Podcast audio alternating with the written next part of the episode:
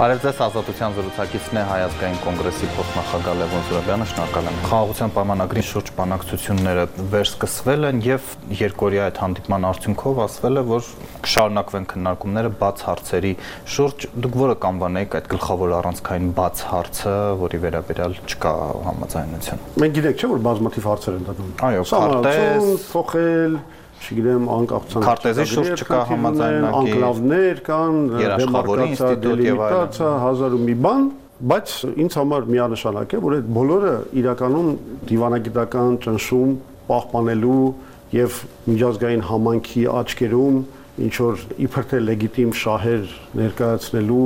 շղարշի տակ է արվում իրականում բուն փորացավը եւ բուն խնդիրը, որը Ադրբեջանը փորձում է ամեն գնով լուծել, կուզեք դա միջանցքի հարց համարեք, կուզեք դա կոմունիկացիայի հարց համարեք, դա Նախիջևանը Ադրբեջանի հետ կապող միջանցքի ստեղծման խնդիրն է ու երբ որ Նիկոլ Փաշինյանը ասում է որ մեր դեմը կանգնած է երկու ցուլ, մենք պետք է կարմիր շորը մեր վրայից հակնենք, ինքը իրականում շատ սենց ասեմ, ոչ թե կարմիր, այլ վարթագույն պատկեր է ներկայացնում, որովհետև մեր դեմը կանգնած է երկու գայլ, որոնք ուզում են իրականում ոչ թե որ մենք մեր շորը հանենք, այլ ուզում են մեր ոդկա ուտեն հոշոտել, որովհետև նրանց պետք է այդ միջանցքը առանց որևէ ստուգումների, առանց վճարների, ոնց որ մենք Ադրբեջանի ներսում ենք գնում։ Այսինքն դա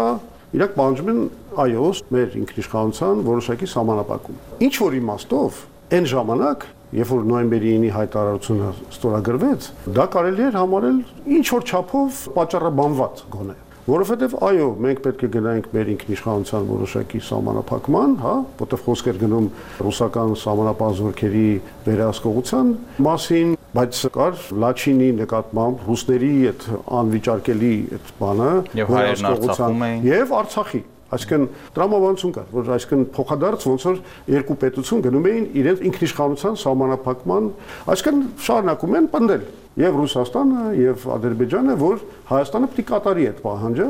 եթե խաղաղությունը պետք է ստորագրվի։ Հիմա այս ստեղծված վիճակը իրենց մեղավորությունն է, բայց հիմա ստեղծվել է։ Նորից տրամաբանություն պետք է լինի։ Եթե Գաղափարը այն է, որ ադրբեջանցիք ասում են, որ մենք պետք է կարողանանք մեր երկրից մեր երկիր գնալ անխոչնդոտ, ուրեմն սկզբունքով պետք է տարածվի նաև Հայաստանի վրա, ճիշտ է։ Այսինքն դա նշանակում է, որ առնվազն պետք է կարողանան նույն սկզբունքներով, օրինակ մենք կարողանանք Երևանից գնալ Մեղրի։ Այդ դեպքում ամեն ինչ տրամաբանական է դառնում։ Այսինքն նորից մենք վերականգնում ենք ինչ որ սիմետրիայի։ Ինչի է իմ կարծիքով շատ վտանգավոր ուղակի ուղակի միջանցք տալ հանուն խաղաղության, որովհետև Ղարաբաղ խժռելուց հետո Ադրբեջանի մյուս նպատակը եւ ախորժակը այդ միջանցքը հիմա իրանց պետքա ուրիշ նպատակով իրենց պետքա լեգիտիմիզացիա այսպես կոչված մեղրի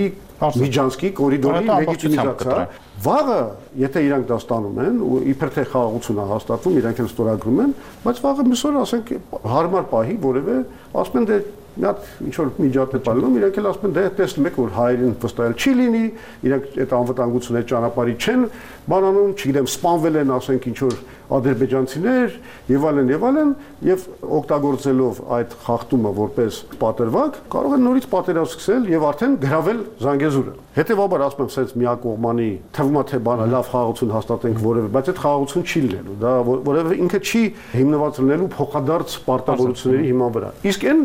տարբերակը որ օրինակի համար ես առաջարկում ինչպես մենք պետք է ապահովենք իրենց անվտանգությունը նույնքան էլ իրենք պետք է ապահովեն մեր անվտանգությունը երկու բայց կա այդտեղ ով պիտի հսկի այդ ճանապարհի անվտանգությունը եւ երկրորդ դուք նոյեմբերի 9-ի փաստաթուղթը կակոչեցիք 9-րդ կետը, այնտեղ ճիշտ է գրված է ռուսները, բայց այնտեղ գրված չէ Երևանի մեղրի կապի մասին անարգել։ Նոյեմբերի 9-ը այսպես է գրած, ընդհանուր կոմունիկացիաների բացում, բայց այս խնդրի լուծման համար հատուկ ռեժիմ։ Նույն բանն էլ եմ ասում, առանց այդ հարցի լուծման չի լինելու խաղաղություն։ Այսինքն մի տարբերակ այնա, որ մենք մերժում ենք այդ խաղաղությունը, բայց այդ դեպքում հայտնվում ենք այս ոչ պատերազմ, ոչ խաղաղության մի վիճակում, որտեղ արդեն ուրիշ հարցացակում։ Իսկ եթե այդ հարցը փորձեն ուժով լուծել, ո՞րն են մեր դիմադրության ռեսուրսները։ Դիմադրության մեր ռեսուրսը մեր բանակն է, որը կներեք գտնվում է չեմ ասի, որ իր ամենալավ վիճակում եւ չեմ կարծում, որ շատ կարճ ժամկետ հերանեկարում մենք կարող ենք, ասենք, բալանսը վերականգնել Ադրբեջանի բանակի դեմ։ Երկրորդը Իրանի կոշտ դիրքորոշումն է, որը անգամ ինքը հայտարարություններ չի անում Եվրոպայի նման։ Ինքը սպառնալու սպառնում է։ Ինքը ասում է, որ եթե նման բան լինի, Հայաստանից ինչ-որ բան խլեն, ուզով կամ եւ այլն, մենք ըստ էության տալու ենք ռազմական պատասխան։ Այսինքն սա շատ լուրջ զսպիչ գործոն է։ Մյուս զսպիչ գործոնը, որը ես գիտեմ, որ շատերը արդեն չեն համարում զսպիչ գործոն, բայց այնուամենայնիվ դա կա, դա կարող է այդքան լավ զսպիչ գործոն չի, որոշ դեպքերում անգամ հակառակ ուղղությամբ աշխատել, դա այնուամենայնիվ Ռուսաստանի զինված ուժերի ներկայությունն է, ինչ որ չափով դա խաղում է։ Չնայած դու կարող ասեք, հա, բայց Ռուսաստանը ինքը շահագրգռված է այդ բանը սարքել։ Հա, բայց մյուս կողմից էլ այնուամենայնիվ Ռուսաստանը շահել չունի, ասենք գնա այնպիսի մի հատ խախտմանը այս իրավիճակում, որը կբերի նրան, որ Ադրբեջանը արդեն կստանա տոտալ տիրապետություն ռեգիոնում ու անվերահսկելի անգամ Ռուսաստանի համար։ Ու չորրորդ հանգամանքը, բայց այդտեղ արդեն ռազմական կոմպոնենտ չկա, նկատի ունեմ միջամտության կոմպոնենտ չկա, դա արևմուտքի հայտարարություններն են, դատապարտումներն են, ունեցանք եվրոպական միության ռեզոլյուցիաներ, որոնք բավականին կոշտ մեղադրում են Ադրբեջանին, անգամ կոչ են անում սանկցիաներ կիրառել որոշ դեպքերում եւ այլն բայց պետք է հաշվի առնենք, որ այդ ռեզոլյուցիաները ոչ մի իրավական ուժ չունեն, պարտադիր չեն եվրոպական հանձնաժողովի համար կատարմանը, ըստ էության հայտարարության մակարդակից այն կողմ չեն գնում եւ նաեւ པարզ է որ չնայած մակրոնի վերջին հայտարարություններին որ պետք է պատրաստ լինենք նաեւ զինվոր ուղարկել ասենք Ուկրաինա իդեպ որի հետևանքով բոլորը հարցակվել են հիմա ըստ էության իզոլյացիայի մեջ է հայտնվել Մակրոնը, որովհետև եւ ամերիկացի եւ եվրոպացիների մեծամասնությունը ուղակի մերժեցին այդ գաղափարը։ Դե հիմա պատկերացրեք, նույնը վերաբերվում է Հայաստանին։ Մակրոնը չի կարողանալու ուղարկել զինվորներ, դա ուղակի բացառված բան է։ Ռազմական միջամտության տեսակետից ունենք այս 3 գործոնը եւ հարց է այդ 3 գործոնը միասին ի վիճակի լինելու զսպել թուրք-ադրբեջանական միասնական այս պլանը։ Այդ դեպքում դուք չասացիք ով պետք է հսկի այդ ճանապարհը կամ ըստ ձեր սցենարի ճանապարհները։ Իսկ ուրիշ ինչ պլան կա։ Այսինքն ես ասում եմ, պետքա վերաբանակցել, ասենք նոյեմբերի 9-ը։ Դե այնտեղ ռուսներն են գրած։ Ուրեմն պետք է ռուսներն էլ են կողմնել վերահսկեն։ Հիմա այդ մասին պարոն Զուրաբյան վարչապետը կրկին քննադատում է հապկին ըստ էության Ռուսաստանին եւ արդեն անգամ չի բացառում դուրս գալը, նախ ասում էր սառեցում եւ իսկապես ինչ է տալիս այդ դաշինքը Երևանին այսօր։ Ես արդեն ասացի ինչ է տալիս։ Ինչքան էլ վատ, շատ վատ, բայց ինքը ինչ որ զսպիչ դեր խաղում։ Ճիշտն ասած, արդեն հակառակն ենք տեսնում ներքին հանդի օրինակն էլ ձեզ վկա։ Դուք ուզում եք, որ ես հավատամ այն քարոշչությանը, որ միակ խոցելի կետը Հայաստանի սահմանի վրա դա ներքին հանդն է։ Ոչ թե միակ խոցելի, այլ որտեղ եվրոպացիները մուտք չունեին։ Որտեղ Եվրոմիությունը չի կարողանում մտնել, եք գներեք, այդ դեպքում մենք պետք է հաղթանակ տոնենք, որովհետև ստացվում է, որ սահմանի բանասած հատվածները գտնվում են բավականին լավ վերահսկողության ներքո եւ ոչ ոք չի կարող որևէ բան անել, մի հատ խոցելի կետ ունենք ներքին համ քարոշչություն լինի պարոն Զուրաբյան դրանից առաջ ջերմուկ էին հասել եւ էլի հապկը չի միջամտել ես ինքս եմ ընդունում որ դա վատ զսպիչ մեխանիզմ է ես ավելին ասում եմ որ քանի որ լավ զսպիչ չի ու քանի որ կա վակուում ստեղծվել անվտանգության այսինքն հենց ռուսների գործողությունների պատճառով որտեղ իրանք չեն կատարում իրենց պարտականությունները արդարացված են փնտրտուկները այլ ուժերի կողմից այլ դաշնակիցների եւ այլն եւ այլն ողջունել եմ Եվրո միության դիտորդների հրավիրելը այստեղ։ Իմ ասածը հետեւյալն է. կարող ես լրացնել քո անվտանգությունը, բայց դու չպետք է մտնես ճամբարների պատերազմի մեջ եւ կողմ բռնես։ Այսինքն դու չպետք է վերածես քո երկիրը երկու ճամբարների կոնֆրոնտացիայի դաշտի, պոլիգոնի։ Անբավարար զսպիչ ուժ ունես։ Այդ չի նշանակում, որ դու այդ զսպիչ կամ անբավարար կամ վատ զսպիչ ուժի հետ թշնամանաս, իրեն դարձնես հակառակորդ ու թշնամի ու գնաս դիմես իրեն հակառակորդ կոնֆրոնտացիայի մեջ ըստ էության պատերազմի մեջ գտնվող մի ճամբարին, որը ոչ մի նպատակ կամ ցանկություն չունի միջամտելու այդ իրավիճակի մեջ։ Պարոն դիտորդների են ուղարկել զենք են վաճառում, առաջարկում են այդ Եվրամիության խաղաղության հիմնադրամով փող տալ զենքի համար։ Գիտեք ինչ, դա նույնպես բավարար մեխանիզմ չէ։ Գուցե բավարար չէ, որովհետև Հայաստանը դեռ շարունակում է հապկում մնալ։ Իսկ եթե դուրս գանք հապկից, ինչ ալնելու մտածում եք օրինակի համար, որ Թուրքիան, որ լինելով ՆԱՏՕ-ի առանցքային անդամը, թույլ է տալու, որ ՆԱՏՕ-ի որևէ երկիր գա ու իր սահմանների շուրջը որևէ ռազմական միջամտություն իրականացնի, չի լինելու այդպեսի բան, որովհետև Թուրքիան շատ ավելի արժեքավոր է արևմուտքի համար եւ Թուրքիայի համար հիմա մեծ մրցակցություն է գնում ՆԱՏՕ-ի կամ արևմուտքի եւ Ռուսաստանի միջև, ինչ ուզում ես ասա, մեծ քաղաքականության մեջ գործում են մեծ քաղաքականության կանոնները։ Արևմուտքը հասկանում է, որ իր բոլոր վերիվարումներով Թուրքիան իր առանցքային դաշնակիցն է, ՆԱՏՕ-ի անդամն է եւ իր սահմանների շուրջը այնուամենայնիվ անվտանգության հարցերը ինքը ունի առաջնային անցում։ Այդ հարցերը լուծելու։ Այսինքն ոչ ոք չի գալու Թուրքիայի դեմ այդտեղ արևմուտքից ինչ որ գործողություններ կատարի։ Չի լինելու նման բան։ Մոռացեք։ Իսկ ես առաջարկում եմ ուրիշ մոդել։ Մա ես ձեզ པարզ հարց տամ։ Այդ ո՞նց է ստացվել, որ օրինակի համար Վրաստանի նման պետությունը, որը վերջերս նաև մեծ հաջողության ասել, հա, իրեն հայտարարել են, ասենք, եվրոպական միության տեխնացու, այսինքն իրանց քաղաքականությամբ իրանք հասել են դրան։ Միևնույն ժամանակ Չնայած պարտավորություն ունի Եվրամիության արտաքին քաղաքականության շրջանակներում քվեարկելու եւ վարվելու, ինքը հրաժարվում է սանկցիաներ կիրառել Ռուսաստանի դեմ։ Վրացական իշխանությունները շատ իմաստուն, հավասարակշռված քաղաքականություն են տանում ստանալով եւ Եվրոմիության աջակցությունը եւ Ռուսաստանի հետ պաշտպանելով նորմալ հարաբերություններ։ Հիմա նույն հարցը կարանք վրացիներին տանք։ Բայց այդքան ռուսները ձեր դեմ վատ բաներ արեցին։ Մտել են, օկուպացրել են ձեր երկիրը, էս են արել են, արել։ Դուք ո՞նց եք նման քայլերի գնում։ Որովհետեւ ոչ ոք չի կարող ստիպել որևէ երկրին ինքնասպանության գնալ։ Վրաստանի վարչապետները པարզ ասում են. մենք չենք վնասելու մեր երկրի շահերին։ Պարոն Զուրաբյան, Վլադիմիր Զելենսկու հնարավոր այցը Երևան այս շարքին կտեղավորեիք ընդդեմ Ռուսաստանի կոնֆլիկտը։ Դե դա էլ ուպերց էլի ստացվում է։ Ինչ դիվիդենդ կարող է ստանալ Հայաստանը, եթե բռնել են ճանապարհը, բնականաբար պետք է հա, ասենց ոնց որ ստավկաները բարձրացնեն։ Այդ բոլոր քայլերը, չէ, Հռոմի ստատուտը, չգիտեմ, ուրիշ բաներ եւ այլն այլն, բոլորը ընկալվում են Ռուսաստանի կողմից որպես թշնամական ակտեր։ Դրա մասին բարձր խոսում են այդ սառեցումներ, հետո դուրս գալու հայտարարություններ եւ այլն։ Հիմա մի հատ էլ սա է լինում, դա ինչա Ռուսաստանի կողմից ընկալվելու է որպես շատ նրանց փափուկ մի բան, այսինքն թող չընկալվի, իրանք ինչ են դրել հայերի գլխին պարոն Զուրաբյան, ինչ պիտի Երևանը ասի չգա Ես ընդհանրապես, լսեք, ես ընդհանրապես մի բան եմ ասում։ Բա ինչի Զելենսկին չի գնում Վրաստան։ Նիկոլ Փաշինյանը խախտելով բալանսավորման քաղաքականությունը, հատկապես այս վիճակում, երբ որ երկու ճամբար գտնվում են կատաղի կոնֆրոնտացիայի մեջ, երկու դինոզավր կռվում են, ու մենք ուզում ենք ոտնատակ լինենք այդ պայքարին, հա, մենք ուզում ենք իրենց ոտերի տակ, հա, այդ դինոզավրները չեն չեն նայելու մեր վրա։ Մեր վրայով անցնելու է։ Իրավունք չունենք բախտախնդրական, արկածախնդրական քայլեր անել նման պայքարում։ Մենք պետք է հանգստությունը պահպանենք, հավասարակշռությունը պահպանենք։ Ես չեմ ասում Բելարուսիայի նման սատելիտային քաղաքականություն տանենք, ոչ, Շատ ճիշտ է որ որոշ հարցերում, հատկապես եթե ռուսները իրաց պարտավորությունները չեն կատարել, մենք էլ դիվերսիֆիկացիա ենք անում, կողքից ինչ որ ուրիշ ուժեր ենք բերում, հնդկական զենք ենք բերում, ֆրանսիական զենք ենք բերում։ Այդ ամեն ինչը շատ ճիշտ է, բայց ստեղ դա չի, սա դիվերսիֆիկացիա չի։ Սա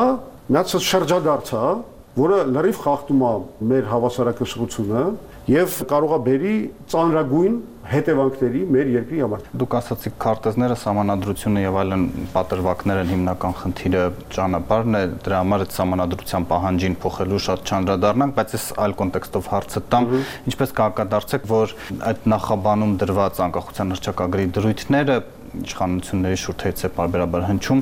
անորոշ իղձեր են եւ դրանք վնասից բացի օգուտ չեն տալիս։ Որ իղձերի մասին է խոսքը։ Հայաստանի պատմական իղձերը, արդարության վերականգնում, Լեռնային Ղարաբաղի Հայաստանի վերամիավորման մասին։ Ստորել կա կանվանը ես պահվածքը, որովհետեւ ցանկացած պետություն ունենում է իր տրադիցիաները ու ավանդաստեղծությունը պետության ամրապնդման ամենակարևոր ճանապարհն է։ Ասենք դուք չես կարա հիմա ասես Միացյալ Նահանգներին հանեք ձեր հայհոյանքները Անգլիայի թագի նկատմամբ, որ դուք դրել եք ձեր անկախության հռչակագրում Ինչա որ այսօր Անգլիան դաշնակից է եւ դա խաթարում է հարաբերությունները նման որակումները Անգլիայի թագի նկատմամբ կամ Անգլիայի միապետության նկատմամբ։ Դա հիմարություն է։ Սահմանության հարցում ամերիկացիք իրենց սահմանությունը չեն փոխել։ Կառավարման մոդելը երբեք չեն փոխել, որովհետեւ կառավարման մոդելի կայունությունը ամենակարևոր բանն է, որ դու պիտի դա պահպանես ու թույլ չտաս որևէ ուժ երբևիցե խաղի կանոնները փոխի իր սեփական քաղաքական նպատակների համար։ Երբ որ դու չես փոխում, երբ որ դու ասես կարճում ես քո ավանդույթներին, այդ թվում նաև կառավարման մոդելի պահպանման հարցում, նաև կոպետության հիմքը ստեղծած հրճակագրերի կամ չգիտեմ փաստաթղթերի նկատմամբ դու պահում ես քո հավատարմությունը, դու դրանով պնդացնում ես քո պետությունը։ Տեր Պետրոսյանը 91 թվին ունենալով շատ լուրջ խնդիրներ դաշնակցության հետ ինքը գնաց այն ուղղությամբ որ մենք պետք է վերցնենք առաջին հանրապետության սիմվոլները ինչն էր խանգարում Տեր Պետրոսյանին ասենք նախ ասել էր մենք գործ չունենք այդ ամեն ինչի հետ դրանք հայդատական անկապ բաներ էին մեջը մարտահրավերներ կան մեր անվտանգության բանի առումով մենք լրիվ նոր սիմվոլներ ենք դնում նոր բան ենք հիմնադրում ինչ ինքը դա չարեց որտեղ ինքը հասկանում է որ ավելի կարևոր բան քան պետության ավանդույթը ավելի կարևոր ամրապնդող բան չկա։ Կազատությունում էր Հայազգային կոնգրեսի փոխնախագահ Լևոն Զուրաբյանը։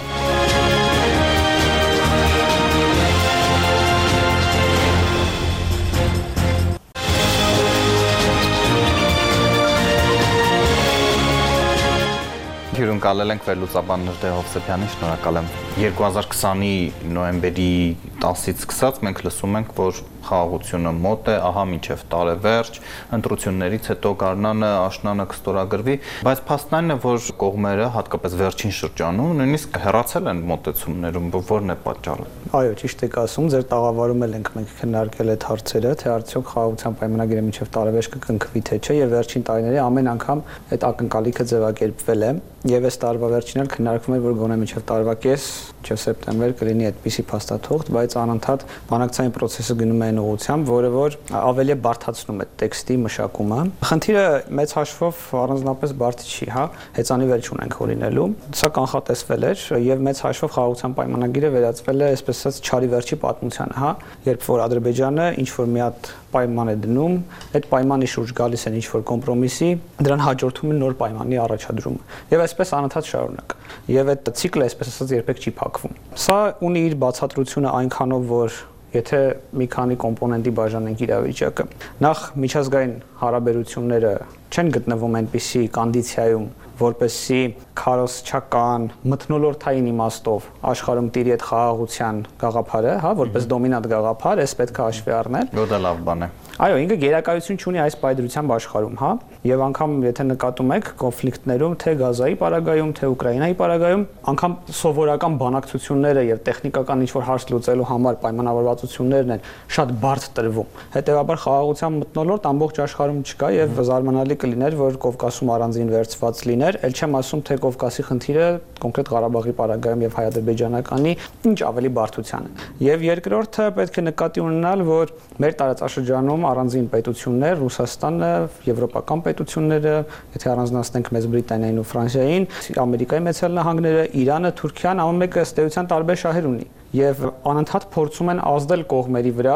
եւ մեծ հաշվով մեծ տերության համար կապ չունի որ կողմի վրա կարևոր իր օրակարգը սպասարկվի եւ դրանք բնականաբար տարբեր օրակարգեր ունեն աշխարհակահական մրցակցության մեջ են որը փոխակերպվել է նաեւ տարածաշրջանային մրցակցության եւ այս պարագայում բնականաբար ինչ որ ընդհանուր օրակարգ, որը պիտի հաջողի, երբեմն երբեմն այսպես ասած բախվում է մեծ պետությունների շահերին, որոնք խոչընդոտում են, խանգարում են, հա, այսպես ասած խութեր են ստեղծում այդ process-ի համար եւ բնականաբար այս երկրորդ կոմպոնենտն էլ խնդիր է ստեղծում։ Որտեղ ամեն մեկն իր ուզած ձևով է պայմանը։ Բնականաբար եւ վերջապես գոյություն ունի նաեւ մեկ այլ հանգամանք, դա Ադրբեջանի նպատակադրվածությունն է եւ ցանկությունը արդյոք ինքը պատրաստ է, արդյոք ուզում է այս պահի դրությամբ խաղաղության պայմանագիր կնքել Հայաստանի հետ։ Դատելով որոշ որոշ սիգնալներից Ադրբեջանը խաղաղության պայմանագրի հարցում երկվություն ունի, Այնտեղ իմ կարծիքով էսպիսին է իրավիճակը, իրենց մոտ կա մաքսիմում եւ մինիմում նպատակներ։ Մինիմում նպատակը կարող է ընդգրկել խաղաղության պայմանագրի ստորագրումը, բայց հստակ վերապահումով, որ այդ խաղաղության պայմանագիրը չպետք է ունենա որևիցե հստակություն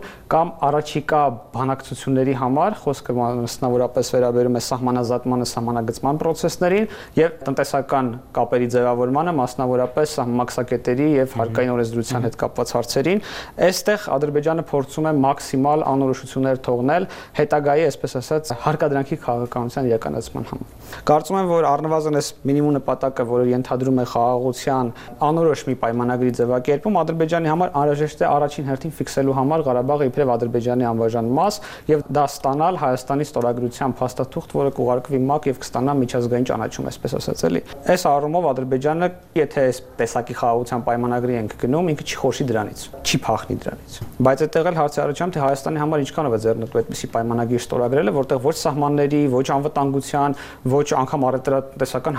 հարաբերությունների մասով հստակություններ չկան։ Բնականաբար խաղաղության պայմանագիրը չի կարող ներառել սահմանազատման ամբողջ գործընթացը, բայց խաղաղության պայմանագիրը պիտի առնվազն ցույց տա այն ուղությունը, որ ճանապարհով պիտի գնա։ Հիմա մեզ համար ամենակարևորը անվտանգությունն են ու սահմանները այս պահի դրությամբ, եւ եթե մենք չենք ելակետ վերցնում խորհրդային միության փլուզման պահի գտնվող սահմանները, իսկ Ադրբեջանը ըստ էության ցանկանում է նոր սահմաններ, նոր քարտեզներ ստեղծել, հա, այսպես ասած, իրանց բառապաշարով գուցե ստեղծարար մոտեցում ունենալ քարտեզագրության եւ սահմանազատման գործընթացում, սա վտանգավոր տեղ է տանում որովհետև Ադրբեջանը դրանով կարող է իր զորքեր օրինակ չքաշել, չհեռացնել այն հատվածներից, որոնք գտնվում են իր օկուպացիայի տակ։ Խոսքը մոտավորապես 130 քառակուսի կիլոմետրի մասին։ Հարցեր են, որոնց արտահայտումը խաղաղության պայմանագրում բարդ process է բուն Հայաստանի եւ Ադրբեջանի միջև եւ նաեւ աշխարհակահական ու տարածաշրջանային խնդիրներն հաշվի առնելով դրա համար խաղաղության պայմանագիրը մեծ հաշվով անընդհատ ամսից ամիս է հետաձգվում։ Եվ երևի թե նաեւ այն պատճառով որ գուցե Ալիևին այդ անորոշությունը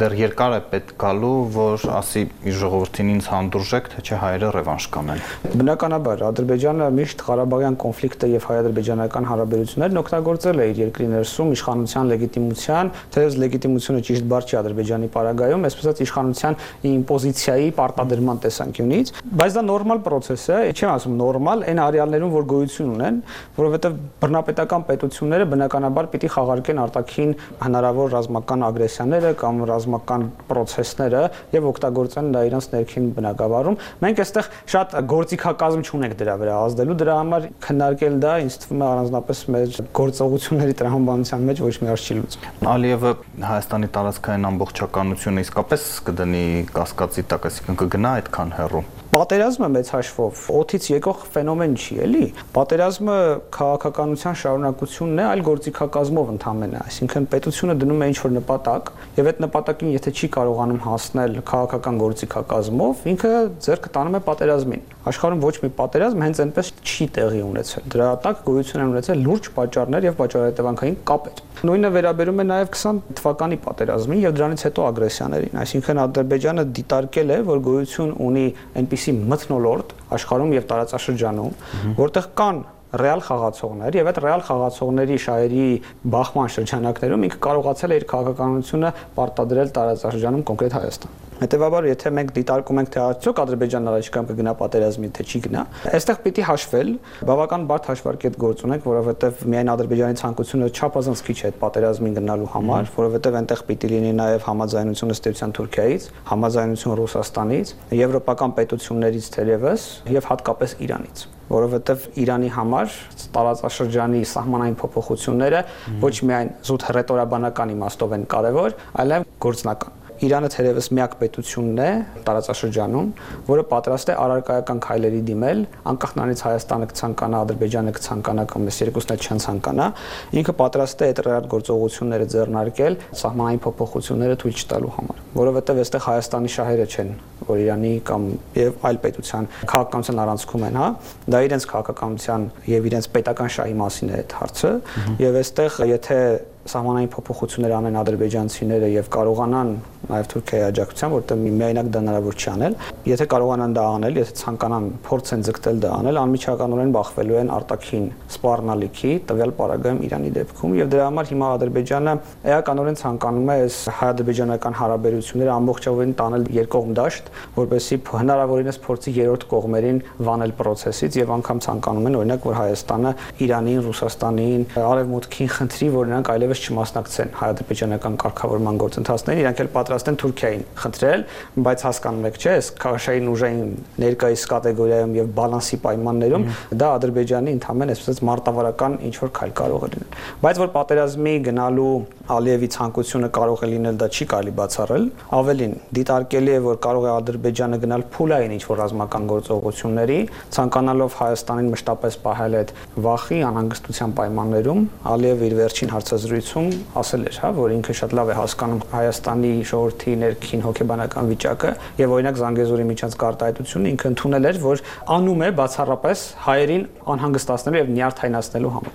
Հետևաբար որոշակի փուլային գործողություններ օրինակ կարող է թույլ տալ իրեն, օրինակ չգիտեմ, անունը կդնի անկլավ եմ ազատագրում, հա, օրինակ եմ ասում։ Բայց այդ խնդրին կարող է գնալ, դրա համար պարզապես անհրաժեշտ է նելու տարածաշրջանային մտնոլորտ եւ մեծ պետություններից թերևս առնվազն մեկի հստակ համաձայնությունը։ Այս պայդրությամբ ես չեմ տեսնում, որ ինչ որ մեկը այդպեսի ցանկություն ունի գոնե կարճաժամկետ իմաստով։ Այդ կենտրոններից մեկը նույնիսկ զգուշացնում է, որ կանգնեցնենք Ալիևին, խոսքը արևմուտքի մասին է, որ ասում են կլինեն հետևանքներ չեն քանդուրշի։ Այո, գիտեք, արևմուտքը գուցե Ղարաբաղի պատերազմի ժամանակ առանձնապես մատը մատին չտվեց, բայց Ղարաբաղի կորստից հետո իրավիճակ է փոխվել։ Եվ իրավիճակ է փոխվել ոչ միայն այն այն առումով, որ Ռուսաստանը որոշակիորեն թույլատրել է իր դիրքերը Կովկասում, գոնե Ղարաբաղյան ճշնամության տրամաբանության մեջ այլ նաև այն առումով, որ Ադրբեջանը կարող է վատ նախադեպի հիմք դնել եւ մի բան է, երբ որ դու հանդուրժում ես, ну, չեն էլ հանդուրժում իհարկե, բայց դիմադրում են առնվազն ռուսական ագրեսիային ընդդեմ Ուկրաինայի եւ մեկ այլ բան է, երբ որ դու հետ փակես փոքր պետության, այնպեսին ինչպեսին Ադրբեջանը դրա ագրեսիայի նկատմամբ, սա կարծում եմ շատ ավելի լուրջ հետևանքներ կունենա Ադրբեջանի համար եւ Ալիևը այստեղ միայնակ որոշում չի կայացնելու հաստատ։ Ֆրանսիան որ պաշտպանական զենք է վաճառում Հայաստանին, այդ դրա վկայությունը չէ նաև Եվրամիության դիտորդները ես կարող եմ Այո, իհարկե, սրանք զսպման մեխանիզմներ են, որ այնուամենայնիվ Ադրբեջանին ստիպում են մի փոքր ավելի մտածել իր գործողությունների իրականացման հարցում։ Հա, ընդհանրապես աշխարհը դեմոկրատական process-ի մեջ է, հա։ Դու կարող ես անել ցանկացած բան ինչ ուզում ես, ոնց որ օրինակ մեր սովորական քաղաքացիները ցանկացածս կարող են ինչ-որ գործողություն անել, բայց եթե հանցագործություն գործենք, պիտի պատժվենք։ Այսինքն նույն տրամաբանությունն էլ աշխատում է միջազգային հարաբերություններում, հատկապես այս քաոտիկ իրավիճակում, երբ որ միջազգային իրավունք չկա, որպես գործնական դերակատարություն ունեցող ֆակտոր եւ Ադրբեջանի գործողությունները բնականաբար ինձ թվում է կանդրադառնան նրա եւ եվրոպական պետությունների հարաբերություններին, նաեւ Միացյալ Նահանգների հետ հարաբերություններին, իսկ Ադրբեջանն այս պահի դրությամբ տնտեսապես ահագին շահում է այդ հարաբերություններից։ Բնականաբար փոխադարձ շահ կա այստեղ, բայց քաղաքականությունը երբեմն գերակայում է տնտեսական շահերի նկատմամբ։ Բնականաբար չի կարելի պնդել, որ եվրոպական երկրները Ադրբեջանին կպատժեն այնպես կամ առնվազն Ադրբեջանին կարգի կհրավիրեն այնպես, ինչպես փորձում են անել Ռուսաստանի նկատմամբ, բայց կարևոր նշանակություն ունի նաև Թուրքիայի դիրքորոշումը, որովհետև վերջերս մի քանի առաջ Ադրբեջանի նախագահը Թուրքիայում էր եւ Էրդողանի ելույթում բավականին պոզիտիվ ազդակներ կային։ Ընդհանուր միջև այն առումով, որ թե Միչանսկի անուն չտրվեց, դա մեկ, եւ երկրորդը Թուրքիայի նախագահը հույս էր հայտնում, որ այլևս սահմանային միջադեպեր չեն լինի։ Սա խոսքի նշանակության, նշանայնության իմաստով, տողատակի իմաստով եւ հատկապես երբ որ հակադրում ես ու համեմատում ես իրենց նախորդ խոսույթի հետ, էականորեն տարբեր են եւ այստեղ ենթադրում եմ, որ իրանց էլ էս պայդրությամբ այդպիսի պատերազմ պետք չի, որովհետեւ եթե այդ պատերազմը տեղի ունենա, շատ արագ, շատ լուրջ ռիսկեր կան, որ դա վերաճելու է ռեգիոնալ պատերազմի դրանից բխող կատաստրոֆիկ հետևանքներով։ Ռուսները ինչ են ուզում նրանց խնդիրը հիմա որն է, որոշ շրջանակներ վստահ են, որ արցախցիների վերադարձի այսօրակարգի հետևում Ռուսաստանն է կանգնած, թե Եվ Մոսկվան ինքն էլ բարբերաբար խոսում է այդ մասին, բայց մյուս կողմից պարոն Հովսեփյան, եթե նրանց հայեր էին պետք այնտեղ, որ իրենք էլ մնային, ինչու թողեցին դուրս գալ։ Տեսեք, դե հիմա արդեն 4 ամիս է մոտավորապես այնտեղ հայ չի մնացել, բայց իրենք շարունակում են այնտեղ գտնվել այսինքն հայերի գտնվելը մի փոքր չափազանցված գործոն է թերևս, բայց իհարկե լավ կլիներ, որ իրենց համար եմ ասում, որ հայեր վերադառնային 5-10000, այնտեղ ես ինչքան հասկանում եմ, խոսքը Ստեփանակերտ վերադառնալու մասին է, մանավանդ որ հայերի տները հիմնականում ձեռք չեն տալիս այդ տներին, կողպված են իսկ իրենց հավաստիացումների եւ այլն։ Այսինքն որոշակի խոսակցություններ կան Ադրբեջանի եւ Ռուսաստանի միջեւ, բնականաբար դա Ռուսաստանին ձեռք տալ, որպեսզի իր զորքի ներկայության լեգիտիմությունը ավելի ամրապնդվեր եւ ինքը հարկադրված չլիներ Ադրբեջանի նկատմամբ այլ ճնշման գործիքներ կիրառել իր զորքը այնտեղ պահելու համար։ Ադրբեջանը շատ ուրախ կլիներ ռուսական զորքին այնտեղից հեռացնելու համար, բայց Ադրբեջանը, այսպես ասած, ընդունել է խաղի կանոնները Ղարաբաղը ռուսական զորքերի ներկայության դիմաց մեծ հաշվով, եթե այսպես պրիմիտիվացնենք էլի վիճակը։ Տիրող իրավիճակը Ռուսաստանի շահերից է մխում Կովկասում։ Ինչու եմ սա ասում, որովհետև Ռուսաստանին ձեռնտու է ոչ պատերազմ, ոչ խաղաղություն սիտուացիան եւ ներկայիս ստատուս քվոն դա ապահովում է երկու կողմի ճշնամությունը որպես այդպես ինչի վերանա Ռուսաստանի համար այնպես չի որ ձեռնտու է լինելու խաղաղության պայմանագրի կնքումը որոշակի ցույց ունեցող պայմանագրի կնքումը եւ հատկապես եթե այդ պայմանագիրը չի կնքվելու Մոսկվայի անձրևանոցի ներքո Իսկ դուք համաձայն եք Հայաստանի իշխանությունների հասցեին քննադատության հետ, որ չէր կարելի փակել հայերի վերադարձի թեման, այլ հակառակը պետք է դա բանակցային նյութ դարձնել։ Համաձայն կլինեի դրա հետ, եթե այդ խոսակցությունը բերեր ինչ-որ հետևանքների։ Տեսեք, Հայաստանը եթե բարձրաձայնի Ղարաբաղի հայ բնակչության վերադարձի հարցը, եւ խոսակցությունների մեջ կա այդ հարցը, այնպես չի որ չկա։ Հարց է առաջանում, իսկ ով է ստիպել Ղարաբաղի բնակչությանը հեռանալ։ Ադրբեջանի աչքերով եմ էլի սա ասում, որովհետև միջազգային ասպարեզում մենակ մենք չենք խոսում, մենք լսում, հասկանում եք, մենք խոսում ենք, Ադրբեջանը խոսում է, երկուսին էլ լսում են, եւ միջնորդները շատ հաճախ հարցնում են, դե այդ պարագայում ինչի բնակչություն հեռացավ, չէ՞ որ Ադրբեջանը առնվազն կարողացել է միջազգային ասպարեզում ցույց տալ, որ ինքը հարվածել է միայն ռազմական օբյեկտներին։ Այս առումով Հայաստանը, եթե բարձրաձայնում է այդ հարցը եւ ակնկալում է միջազգային երաշխիքներ, Ադրբեջանը խոստանում է միջազգային երաշխիքներ տալ առանց միջազգային դիտորդների կամ խաղաղապահների, առավել եւս խաղաղարարների ներկայության։ Համանadrության եւ միջազգային իրավունքի շրջան։ Այո, հիմա կներեք իհարկե, բայց մեր բնակչությանը, մեր հայրենակիցներին դա չբավարարեց, չէ՞ Ադրբեջանը չէր ասում, որ մեզ գալու եմ ձեր բոլորին կոտորեմ, մորթեմ եւ այլն։ Ինք ասում էր, ես պատրաստ եմ դա տալ, բայց մեր բնակչությունը չհավատաց այդ խոսքին։ Հիմա կներեք, եթե խաղաղության պայմանագրի մեջ այդպիսի կետ լինի, օրինակ, մենք հավատալու ենք այդ օթի մեջ եւ թղթի վրա գրված խաղաղության այդ երաշխիքներին անվտանգության, թե չենք հավատալու։ Կրկին շնորհակալ եմ, որ համաձայնեցիք ազատությունում էր վերլուծաբան Նժդե Հովսեփյանը։